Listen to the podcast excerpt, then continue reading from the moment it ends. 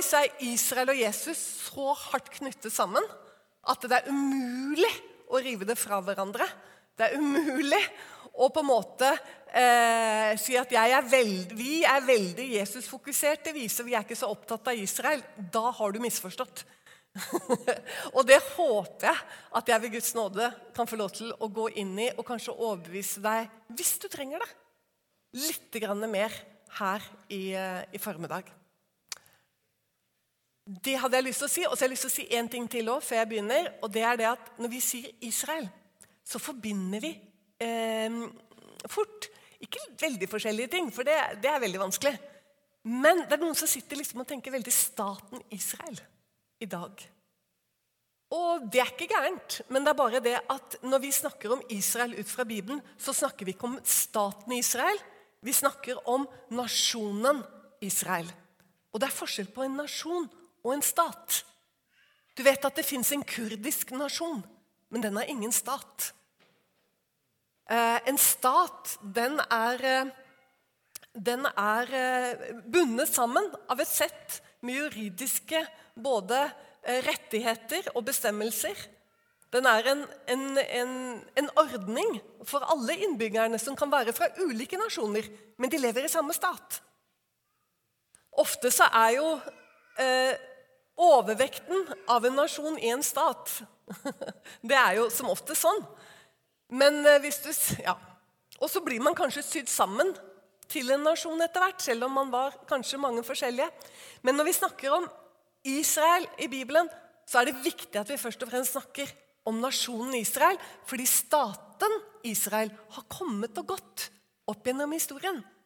Og da kan vi forbinde litt ulike ting. Vi har til og med et Nordrike som ikke engang hadde med Juda, som het Israel en gang.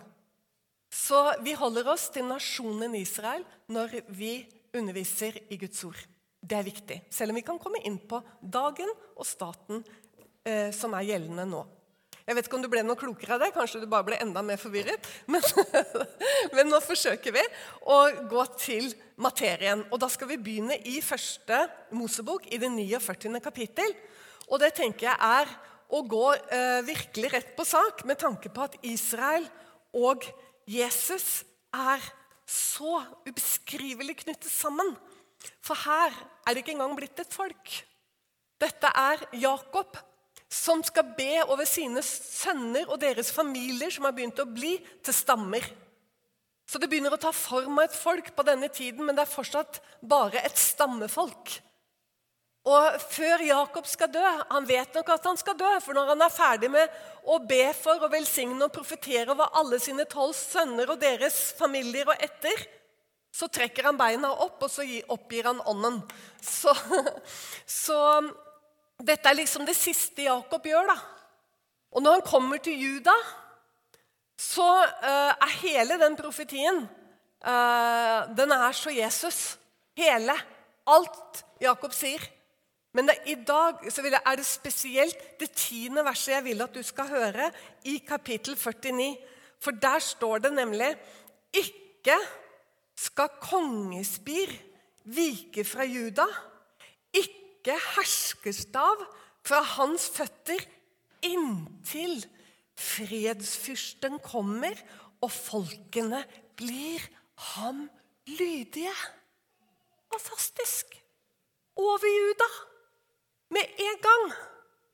Og her står det altså om et septer, eller en kongestav, og en fredsfyrste. Vet du, Dette er første gang det blir kjøtt på beinet eh, på Messias. Du har han billedlig til stede allerede i tredje kapittel i første Mosebok. Som han som skal knuse slangens hode. Men for første gang i Bibelen, når det blir kjøtt på beinet, det er her. Tressfyrsten. Kongestaven. De skjønner det handler om en konge. Han som skal komme. Han som skal knuse motst motstanderen. Han skal være konge. Han skal herske. Og alle folk skal bli ham lydige. Er, det mulig å få sagt så mye? Liksom eh, i ett vers og stappe så mye inn? Det, det, skjer ganske ofte i Bibelen, men jeg tenker at dette her er et sånn premieeksempel på hvordan du klarer å virkelig bare skjønner du, legge åpenbaring inn i noen få linjer. Og så, dere Folkene skal bli ham lydige. Ja, det er litt av en greie, det. Hjelpes. La oss da med en gang gå til Salme 2, for der syns jeg på en måte at det, liksom Hva det krever, det kommer ganske bra fram der, samtidig som Salme 2 taler rett inn i vår tid.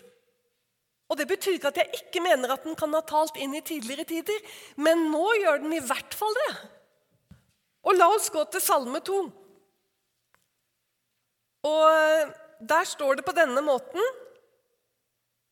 eh, slik Og da må jeg bare velge, for jeg skal ikke lese hele salmen. Men vi begynner i begynnelsen, og der står det Apropos bli lydige. Apropos lydige. Hvorfor larmer hedningene og grunner folkene på det som fåfengt er? Jordens konger reiser seg, og fyrstene rådslår sammen imot Herren og imot Hans salvede. Og hva er det de sier for noe? Jo, de sier 'la oss sprenge deres bånd av oss'. Og la oss kaste disse repene av oss. Og så kommer dette underlige Altså ironi fra Gud selv i, i, fjerde verset. Og jeg tror det er ganske viktig å være klar over, for det er ikke mange ganger det står sånn om Gud i Bibelen. Det står faktisk at når han ser dette her, dette larmet og dette her opprøret mot Messias, mot hans salvede. Hva, hva, gjør Gud? Jo, han som troner i himmelen, han ler. Oi! Han spotter dem. Så taler han til dem i sin vrede og i sin harme forferder han dem. Og hva er det han sier for noe? Jeg har dog innsatt min konge på Sian, mitt hellige berg. Og du vet hva, når jeg satt og kjørte til Porsgrunn i dag så var det bare sånn, Plutselig så var det bare sånn 'Salme 2, Eva, den må du ta med.' Og, og så sånn. Fordi i går så var det kjempedemonstrasjoner i Oslo. Og det ble ropt masse rart, og jeg tror en del av det som ble ropt, skal du være glad at du verken forsto eller hørte. Men i Stockholm i dag så ble det også ropt og der var, det, der var det ikke bare Palestinakomiteen som ropte og larmet. Der var jammen meg nazistene slått seg sammen med dem. Og kommunistene! Hvilken underlig blanding! Og hva, og hva, var det som var hovedfellesskapet liksom, som de samla seg om? Jo, det var imot sionismen! Og da tenkte jeg Det var bare sånn Oi, Salme 2. Har jeg har dog innsatt min konge på Sion. Herre ler. Han ler. Og Bibelen liksom du snakker, og Vi snakker om å være så relevante i vår tid. Vi skal være så innmari relevante hele tiden. Og er det noe som er relevant, så er det Guds ord. Det er så, det er så helt ubeskrivelig relevant. Og det, og det liksom bare taler rett inn. Men at det kan være litt kontroversielt og litt tøft å stå i det, og sånn, det, det, det, Jeg underkjenner ikke det. Men, men det er utrolig klart. Og, og, og, hvis du blir med bare noen vers litt lenger ned Så Nei, egentlig bare ett vers lenger ned. For da, da sier jeg noe som er kjempeviktig. Jeg vil kunngjøre hva fastsatt er. Hør her, Dette her er 1000 år før Jesus kom i kjøtt og blod første gang. Du er min sønn. Jeg har født deg i dag. Er det ikke nydelig? I Gamle testamentet. Du er min sønn. ikke sant? Han som er innsatt på Sian. Du er min sønn. Begjær av meg. Og så får du lese litt selv resten før du sovner i kveld. Og så hopper jeg ned til tolvte verset. Kyss sønnen for at han ikke skal bli vred, og dere går til grunne på veien. Det er fantastisk. Det er en sånn veldig sånn Istedenfor opprør, så ikke sant, ydmyk deg. Ik ikke, ikke far så fort fram. Og det, det Oi, i, i, vår tid nå, det, det larmes noe veldig. Og La oss da gå til Salme 83 også, for der kommer det liksom også veldig sånn godt fram. Og Der står det Gud, ti ikke. Vær ikke stille og hold deg ikke rolig, Gud. For se, dine fiender larmer. Her kommer det igjen. Og de, som, og de som hater deg, løfter hodet. Og nå bør vi ikke snakke mot kjøtt og blod, ikke sant? for vi vet de som virkelig hater. Og det er noen som står bak. Og det er viktig at vi skjønner, vi som elsker Jesus, at vi har ikke en kamp mot kjøtt og blod. Vi har kamp mot de kreftene som, som, som står bak. Men de kommer jo da igjennom noe, da, ikke sant? Sånn at vi er ikke naive heller. Men, men, det er viktig når du ber, og sånn, at du skjønner at ikke du på en måte går i en felle. Og, og, da kan du selv også på en måte komme litt gærent ut med hjertet ditt. For det står igjen, altså Se dine fiender larmer, og de som hater deg, løfter hodet. Mot ditt folk legger de med svik hemmelige råd, og de rådslår mot dem du verner. Det er ikke noe lurt å gå imot de han verner. De sier, 'Kom og la oss utslette dem'. Interessant at det står så tidlig i Bibelen. Utslett dem. Men hvorfor er Jo, så de ikke mer er et folk. Og Israels navn skal ikke mer kommes i hu. Og du, jeg vil bare fortelle deg noe spennende som du muligens vet. Og da er det ikke så spennende, men hvis du ikke vet det, så er det litt mer spennende. Og det er dette navnet Israel. For det er veldig interessant. Noen har hørt, og jeg må si vi alle har hørt, at det betød 'de som kjemper med Gud'. Israel, Isra og El, Isra kjempe, og El Gud. De som kjemper med Gud. Men dette, dette denne forstavelsen Isra kommer av et verb som betyr å kjempe for å seire. Mm. vi har ikke et sånt ord på norsk. Vi har bare et ord for seier, vi, da. Og Alfred Jones, som har skrevet kanskje den, eh, den dictionaryen over eh, gammeltestamentlige navn som har størst autoritet i dag, han sier det rett ut at det betyr skal regjere med Gud, betyr Israel. Eller være prins med Gud. Interessant. Da kan man jo skjønne at det navnet Israel blir litt ubehagelig. For hvis det ligger en profeti i navnet Og det er jo det det gjør, vet du. Altså, det ligger en profeti om at de skal kjempe for å seire. Og enda bedre, da, ifølge Jones regjere med Gud. Altså, det ligger om Messias i dette navnet Israel. Oi, oi, oi. La oss nå komme litt eh, Skal vi gå med en gang og liksom gå litt mer inn i denne motstanden, eller skal vi ta med Jeg lurer på om vi skal ta med for det handler jo ikke bare om Messias, men det handler jo også om dette Sion, som han skal regjere fra. En konge som har et folk. Men hvor kommer vi inn der, da, Gud? Skal vi ta med Jesaja 49? Jeg tror vi gjør det.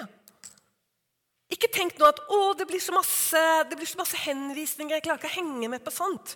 Men bare lytt. Ikke tenk at du skal huske dette her sånn. Og nå blir det tatt opp, og da kan du heller sette deg når du ikke har noe å gjøre engang, og så kan du sitte og høre det en gang til, og så plutselig så kan du hele greia utenat. Så ikke sitt og stress med det nå. ikke sant? Det blir for masse bibelsitater. Nei, ikke gjør det. Det, det blir ikke det. Hør nå. Dette er en ubeskrivelig profeti. Og det er lov å sette inn lite merke i margen. Eh, 49. 49,6. Det er for lite at du er min tjener. Det er Herren som taler om Messias. Det er for lite at du er min tjener til å gjenreise Jakobs stammer. Hmm. Det er noe som er for lite her. Hva er det du vil gjøre da, Gud? Jo, jeg vil gjøre deg, altså min tjener Messias, jeg vil gjøre deg Jeg vil gjøre deg til hedningenes lys. For at min frelse må nå til jordens ender. Hæ? Altså, Det er for lite at du er min tjener til å gjenreise Jakobs stammer og føre den frelste resten av Israel tilbake. Altså, Det ligger klart. Slik er det. Folket hans. Men fordi det var for lite for Gud, så sier profeten Jesaja, Se, jeg vil gjøre deg til hedningenes lys, for at min frelse må nå til jordens ender. Oi, her kommer det som egentlig lå der allerede, sant? med det verset vi begynte med. At alle folkene skal bli anlydige. Men hvis nå noen av Israel-folk hadde begynt å lure på at det kanskje bare var oss det gjaldt, det var bare oss, liksom, det er bare vi som er utvalgt Ja, men det er bare det at jeg igjennom dere så har jeg sagt at jeg skal velsigne alle folk. Alle folk.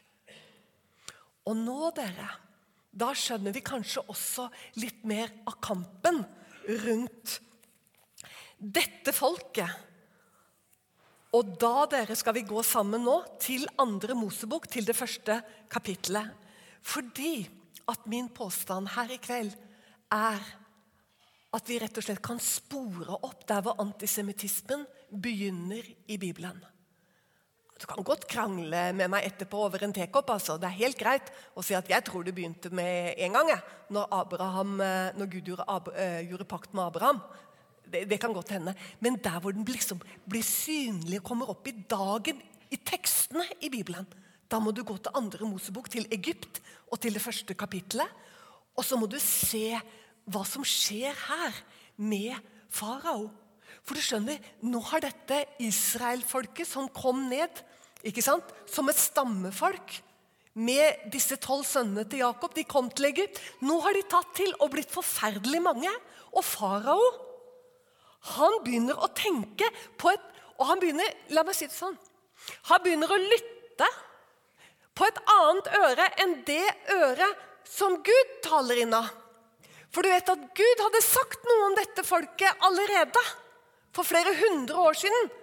For 500 år siden hadde han sagt noe om dette folket som farao har i Egypt. Og det var nemlig at gjennom dette folket skal alle jordens etter og folk velsignes. Og han hadde sagt at 'jeg gjør deg til en velsignelse', og de som velsigner deg, skal være velsignet. Men her er det farao. Han hører ikke på det øret nå. Han hører på et annet øre. For nå har han begynt å tenke noe som gjør ham fryktelig bekymra. Og hør, hør hva det er for noe. Israels barn fra syvende verset hadde nå begynt å ta sterkt til, og de ble mange, og de ble overmåte tallrike. Og landet ble fullt av dem. Og nå, du, da kom det en ny konge over Egypt. Og han sa til sitt folk, se, israelittenes folk er større og mer tallrike enn oss. Nå vel, La oss gå klokt til verks imot dem, for at ikke de skal ta mer til, og for at de ikke, om det kommer krig, skal slå seg sammen og gå i lag med våre fiender og føre krig mot oss, og så dra ut av landet. Interessant.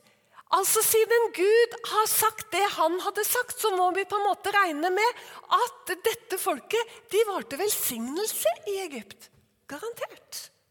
Slik de har vært i de, alle nasjonene de har vært i, har de vært til velsignelse. Men eh, det er ikke det farao tenker. Fordi det er en annen som taler til han, og han sier det. 'Farao, nå tar de skikkelig til, og nå kommer de til å bli en forbannelse for Egypt.' Og de kommer til å, til og med, de kommer til å slå seg sammen med fiendene dine. Og de kommer til å gå imot deg med disse fiendene dine når det blir krig. Og da får du problemer, da. For se hvor mange de er. Skjønner du? Vet du hva? Dette som jeg sier nå, gjerne med litt andre ord, men dette er fellesnevneren på antisemittismen opp gjennom hele historien. Det er noe med dem. Det er et eller annet vanskelig med dem. De er ikke til velsignelse. Eh, de er tvert imot til forbannelse. Vi, vi, vi må gjøre noe med jødene. I 2000 år så har Europa prøvd å gjøre noe med jødene. Fordi de hørte på samme øre som farao. Sånn har de holdt på. Og sånn holder de jo på i dag òg. Og, og, vi kunne godt bare dukke ned. Ta, la oss ta en liten sånn linje nå. La oss bare begynne med korsfarerne på 1000-tallet. De var ganske så overbevist om at det, før de i det hele tatt hadde nådd ned til Jerusalem, så drepte de jo jødiske landsbyer og utryddet for fote hele veien nedover. Det vet vi i dag. Det er ikke noe Eva står og sier, dette er fakta. Men, men, men der hvor det blir sånn ordentlig interessant, da, det er jo på 1200-tallet i Tyskland. Som ikke het akkurat Tyskland den gangen, men allikevel i det tyske området. Det var ikke Hitler som begynte med å sette gule stjerner på jødene, hvis du trodde det. På 1200-tallet så gjorde Tyskland det. De satte gule ringer på alle jødene i hele sitt rike. Hvorfor det? Jo, fordi det var noe med dem! De var ikke som oss. Dette er et annerledes folk. De har helt andre skikker. De holder seg for seg selv. Og de kommer til å ødelegge vår nasjon hvis ikke vi kontrollerer dem. Og Italia de ble så overbevist om det de på 1500-tallet at de oppfant gettoen. De rett og slett bare bestemte seg for å lage murer rundt dem og stappe dem inn i en sånn to, tre, fire bykvartaler og Der låste de dem innom kvelden, og så låste de opp igjen om morgenen. Det var Italia på 1500-tallet. De oppfant gettoen. På 1400-tallet så bestemte kong Ferdinand seg for å drive alle jødene ut av Spania. Og det var vilt, for det var jo noen hundre tusen av dem i Spania. Har du noen gang lurt på hvorfor det har vært så mange jøder i Nord-Afrika? Vel, det er svaret. For Ferdinand han gjorde, han gjorde Spania-jøderen. han. Og han gjorde det i løpet av kanskje jeg overdriver litt nå, 14 dager. De måtte flykte hals over hode. Og hvis ikke de gjorde det, så ble de brent levende på bålet. Over Gibraltar, inn i Nord-Afrika. Fordi at eh, han hadde funnet ut at det var noe med blodet deres. Mala sangre. Det var noe gærent med blod. Det nytta ikke å, å, konvertere dem og døpe dem, for de kom til å holde sabbaten i smug. Det er noe med blodet. Så det var ikke Hitler som fant på det heller. At det var noe gærent med blodet, så du måtte utrydde det. Det er så interessant. Når polakkene og ukrainerne holdt på på 1600-tallet og kriget, så fant de at det var jødenes skyld alt sammen, så de drepte like godt en halv million jøder er så grusomt. Og i Russland mellom 1880 og 1920 så hadde tsaren fått det for seg at dette folket Nå må jeg få ryddet opp i dette en gang for alle, ellers så blir mitt keiserrike ødelagt av jødene. Hæ? Disse fattige, fattige jødene, disse russiske jødene, skulle ødelegge ditt keiserrike. Han hørte på akkurat samme øre som farao. Han var helt overbevist at det var jødene. Og to millioner jøder rømte ut av Russland i løpet av 40 år. Ca. 95% reiste til USA, og nå er de blitt til 5 millioner hører du hva jeg sier, i USA. Og så var det en liten minoritet som reiste til Jerusalem. Av de mest religiøse. For de første russiske jødene som kom, de var hyperreligiøse. Og de hadde sett at Messias kommer. Hvorfor sier du alt dette her, Eva? Uh, jeg mener, Jo, for jeg tror det er utrolig viktig For det har med Israel i vår tro. Jeg, det er nemlig sånn at du vet at vi ber jo mye for de forfulgte. Men ofte så for, glemmer vi de forfulgtes mor. Og de forfulgtes mor, det er Israel. Og det handler fortsatt om Jesus. Akkurat som det handlet om Jesus når de skulle hjem fra Egypt. De skulle hjem, de skulle til landet. For hver gang de har vendt snuten hjemover For du skjønner, det er da det blir farlig. For det er da alle varsellampene hos styggen selv går på. Fordi det er en konge, og det er et Sion, og det er et folk. Så når de vender seg mot Sion, så går alle alarmklokkene på. Og så settes det i gang et forferdelig uvær imot dem. Og det gjorde de jo i Egypt. Og vi kan historien med Moses og alt. Men det kostet enormt, da. Men de kom seg jo ut til slutt. Men Eva, hvor, hvor, hvor mange ganger er det egentlig de har dratt inn i landet? Liksom utenifra og inn. Det er tre ganger. Det er hjem fra Egypt og inn. Da var det bare full Unnskyld, jeg må, jeg må bruke det ordet faenskap. Rett og slett. For det var det det var. Det var det det var. Det er ikke noe annet ord for det. Og så var det en gang til, og da skulle de hjem fra hvor? Fra Babylon. Og da er vi på 500-tallet før Kristus. Da var, det, altså da var det så ille at det gikk ut bud om å utslette dem. I, igjen. Utslett dem. La oss nå gå dit for å se hvordan de lytta på den tiden også. Og da er det Esras bok, det fjerde kapitlet. Du trenger ikke å gå dit nå, men, eh, men du kan bare lytte. Og det, det, det, er ganske interessant, for nå Du skjønner, folkene Det har alltid vært andre folk rundt Sion. Bestandig. Og det er sikkert mye av de samme folkene som er, det, er der den dag i dag. Det tror jeg. En del av dem. Og nå har jødene begynt å komme tilbake. For nå er vi på 500-tallet før Kristus. Hvorfor har jødene begynt å komme tilbake nå da ut av Babylon? Og vet du, Det er så fantastisk at eh, sant, hele, hele Sion og Jerusalem ble jo ødelagt. Men Jeremia sto midt oppi dette kaoset. Når alt ble lagt til grus og babylonerne tok over alt sammen, så sto Jeremia og ropte ut til folket sitt. Det er 70 år! Det er bare 70 år! Så kommer dere hjem igjen! Og jeg syns jeg ser den. Mist ikke motet! Det er 70 år! Og så går du til Esra i kveld før du legger deg og leser første kapittel. For der står det at kong Kyros Og han hører på riktig øre. Han hører, han hører på riktig øre. Han hører ikke på det, det gale øret. For det står det han fikk sånne tanker om at Jeg tror at jødene For nå hadde han overtatt hele Babylon. Den persiske kong Kyros. Og nå, og nå, tror jeg at alle jødene de skal tilbake og bygge opp tempelet i Jerusalem. Så står det hvorfor han fikk sånne tanker. Vet du hvorfor? For at det ord han hadde talt i Jeremia, skulle oppfylles. Og Derfor står det når han fikk det Det første året av sin regjeringstid. Og du kan bare gå og telle. Bare les om kong Kyros. står side opp og side ned om han i alle leksika på nettet. Hør her. Første året av hans regjeringstid så hadde det gått 70 år. Jødene skulle hjem. Og da, du, da reiste over 40 000, og de begynte å bygge opp Jerusalem. Heng med nå. Heng med. Og de begynte å bygge opp igjen Jerusalem. Hva skjedde da? Og nå er vi i Esra i fjerde kapittel. Nå, du, vil de stoppe dem. Å nei da! Nå har disse jødene kommet hit. Det er ganske artig. Hør hvordan de begynner. Nå skriver de til den persiske kongen.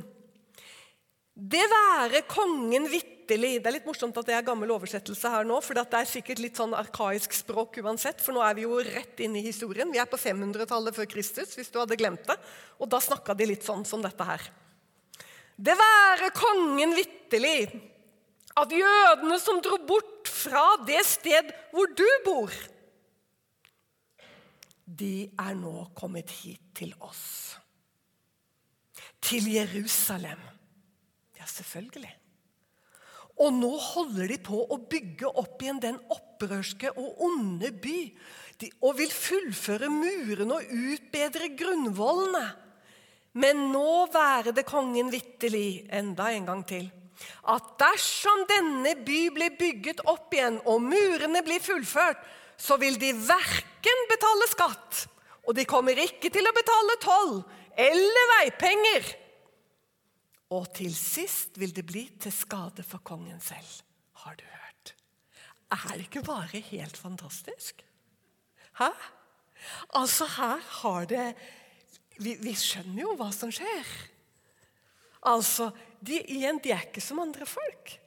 De kommer ikke til å betale skatt. De kommer ikke til å betale veipenger. Og de skal bygge opp en opprørsk by, og det kommer til å bli et kjempeproblem for deg, konge. Og de gir seg ikke der. De fortsetter litt til, som du kan lese i kveld. For de fortsetter og så sier det at hvis du tillater dette, konge, så kommer ikke du til å eie noe land vestenfor elven mer. Du, altså De sier du kommer til å miste hele ditt kongerike i den delen. Så gærne og opprørske er de. Hallo, hallo, hallo. Hæ?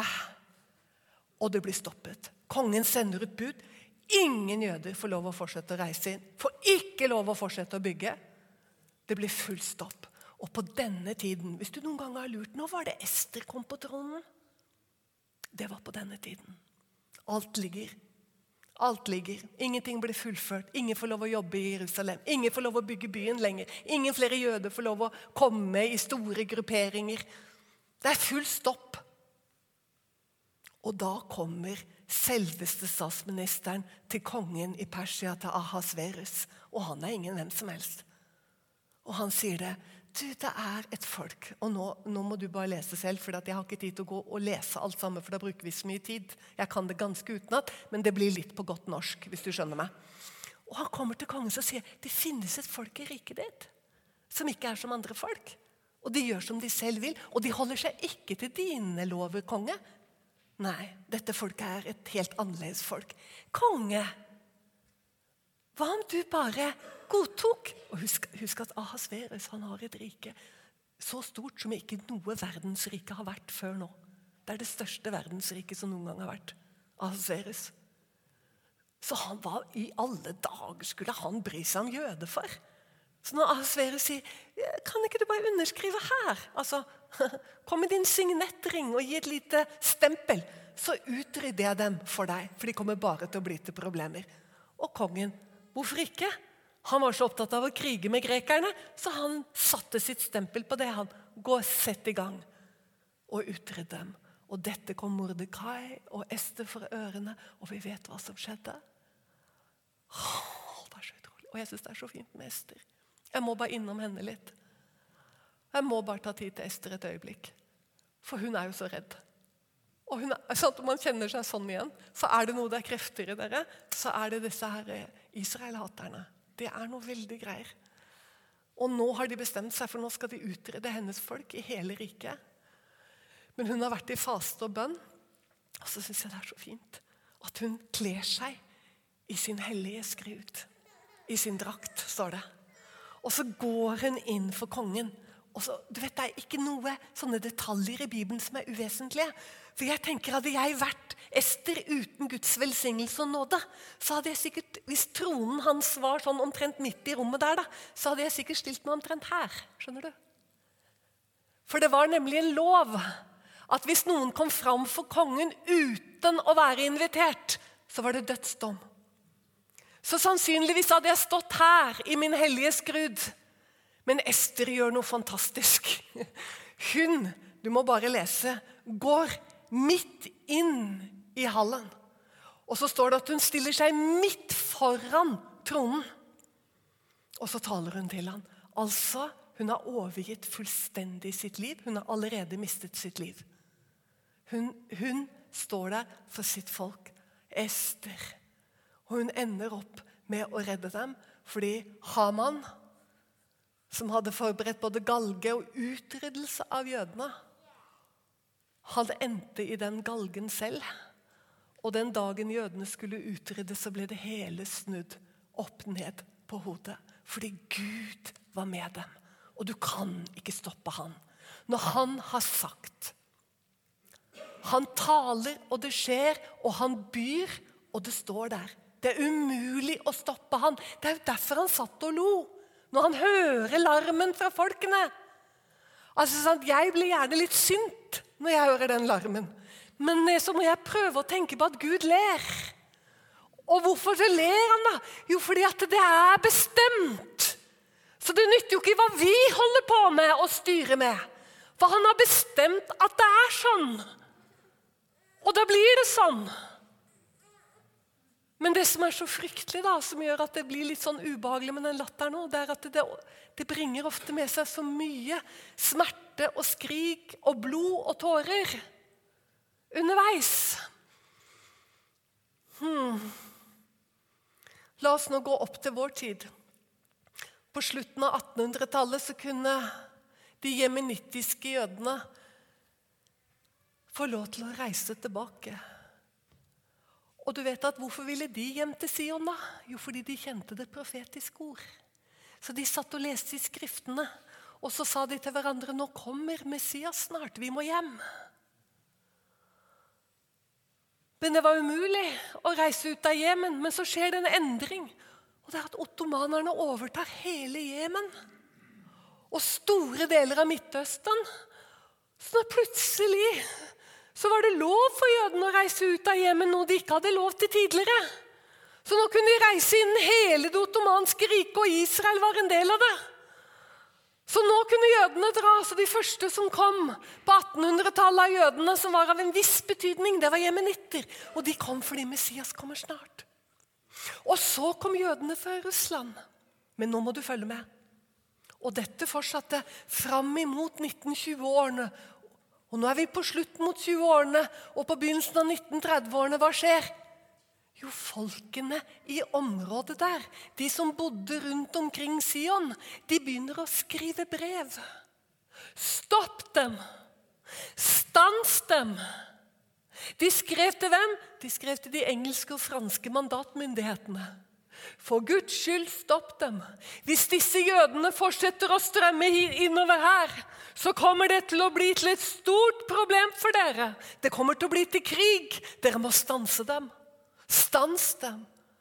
Og de engelske mandatmyndighetene og de franske mandatmyndighetene bestemte vi stopper det. Ingen flere jøder inn i området, inn i det engelske mandatområdet, som da het Palestina. Det var engelskmennenes idé. da. Og jeg forteller dere, og han ligger alltid mitt hjerte nær, fordi jeg fikk jobbe med sønnen hans en god del år. Og Han heter Odd Nansen, som for rundt i Europa og prøvde å hjelpe jøder hjem fra Tsjekkoslovakia, hjelpe jøder hjem fra Tyskland, skrev til den norske regjering og fikk bare beskjed nei, nei og atter nei. Det skal ikke en jøde inn i Norge. Så dette hatet, det er så ufattelig. Seiglivet. Men det handler om Jesus. Og det er det enhver kristen må forstå. Apostelen Johannes han sier det rett ut han i 12. kapittel i åpenbaringsboken. Så står det om de andre av hennes folk, altså av Israels folk. De andre av hennes folk. Og hvem er de? Det er de som elsker Jesus. De som er Jesu vitnesbyrd og som holder Guds bud. Sånn sier Johannes det. Han sier rett og slett at vi er, vi tilhører dette folket. Og det er så ubeskrivelig kamp de står i for Jesus sin skyld. Ja, men Fordi Jesus kommer igjen. Jesus kommer tilbake. De skal hjem fordi Messias kommer. Og det rare, vet du, det er jo sånn at hvis du virkelig vil ha sånn derre 'Jesus kommer snart'-begeistring. Hvis du virkelig trenger litt begeistring rundt det, så reis til Israel under løvehyttefesten eller påsken eller pinse. Det koker av Messias-forventning. Jeg mener, de, de, de, er helt der. For de vet ut ifra Skriftene at han kommer veldig snart. Og så til avslutning nå så må vi få med de gode løftene for jødene. Først og fremst for jødene. Og da skal vi gå til Jesaja 61. Og så skal vi se hva som står der. Og det kommer på denne måten, dere. 61. I det syvende verset så står det Gud taler gjennom sin profet til sitt folk og sier For deres skam skal dere få dobbel gjengjeld. Og de som led vanære, skal nå juble over sin lodd. Derfor skal de få dobbelt lodd i sitt land. Evig glede skal bli dem til del. Å, Eva, jeg skjønner ikke dette loddet. Men det er fordi man loddet ut i gammel tid. Og vi er i gammel tid, og derfor har vi gammel oversettelse.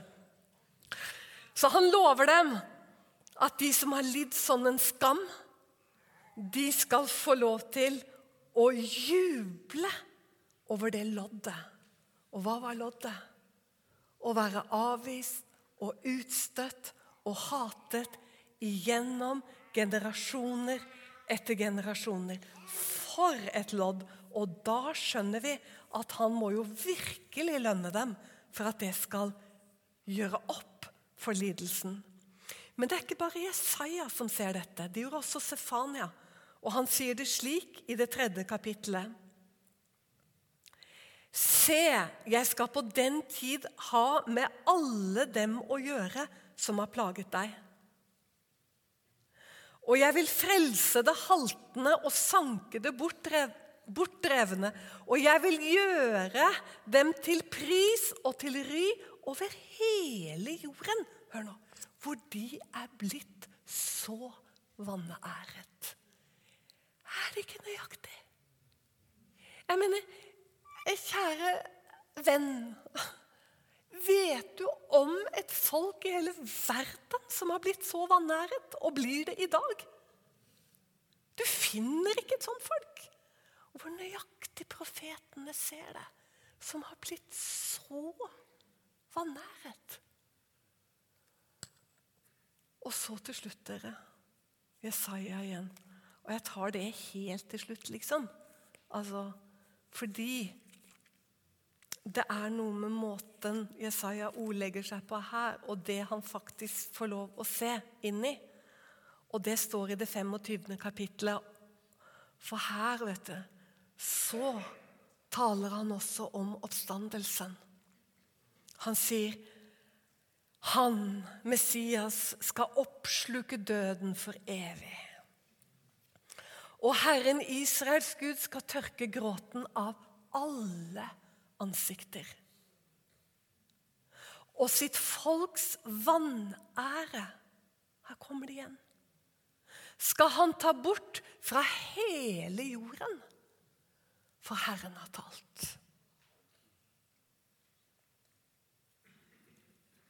Og så fikk jeg så lyst. Klarer dere? Kan ikke noen si høyt ja, liksom? Ja, klarer. Eller så turte jeg nesten ikke, liksom. Jesaja 61, tenk på det, dere. Bare tenk på det. Bare tenk på det. Når Jesus kom inn i synagogen i Nasaret, så hadde de hørt rykter om han. Og de visste at det skjedde under og tegn. Og så lurte de på han, vet du. Og nå er han i hjembyen sin. Og så kommer de med Jesaja-rullen.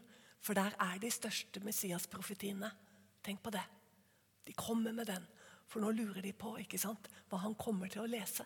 Så går det bare rett til det som er 61 hos Jesaja, og som er i Lukas også. ikke sant? Evangel eh, Lukas evangeliet. går rett til Jesaja 61. Og så bare sier han disse helt fortryllende ordene, så alle hører på han. Og det blir helt stille. vet du. Helt bom stille. For nå sier han vet du, noe som bare gjør at de sitter og gaper. Han sier, 'Herren Israels Guds ånd er over meg, fordi Herren har salvet meg til å forkynne et godt budskap.' For de saktmodige. Han har sendt meg til å forbinde dem som har sønderbrutt hjerte, til å utrope frihet for fanger, løslatelse for de bundne. I Lukas, hva skjer der? Han lukker boken og setter seg. Han sier for å utrope et nådens år, så lukker han boken og setter seg. Og alle ser på han. De skjønner ingenting. For han, han lukker boken midt i profetien. Hvorfor gjør du det da, Jesus? Hvorfor bare lukker du boken? Alle bare sitter der, De skjønner ingenting. Hva er det du driver med? Det er ikke et punktum her engang. Det er ikke et komma her engang. Hvis han hadde lest bare 'og', så hadde Jesus vært inne i sitt neste komme. Nemlig hevnens dag skal derfra komme igjen for å dømme levende og døde. Han kunne ikke det. Så han lukker boken. Men det er viktig at vi som elsker Jesus, ser hva han kommer igjen for. Når han kommer, så, sier, så står det da Og det var det Jesus ikke sa, fordi han ikke kunne. Men det står her, og det er Messias-profetien, så står det òg en hevnens dag fra vår Gud'. Og så står det 'for å trøste alle sørgende', og for å trøste de sørgende i Sion. Oi! Altså, Han kommer med hevn for å trøste de sørgende i Sion. Jeg tror det er litt viktig at du er på rett side her. Kjære venn, ikke vær så innmari engstelig med hvor du står hen. Og nå snakker jeg ikke om å stå på parti med mennesker, men jeg snakker om å stå på parti med Gud eller med han motstanderen som ikke engang liker å sette navn på.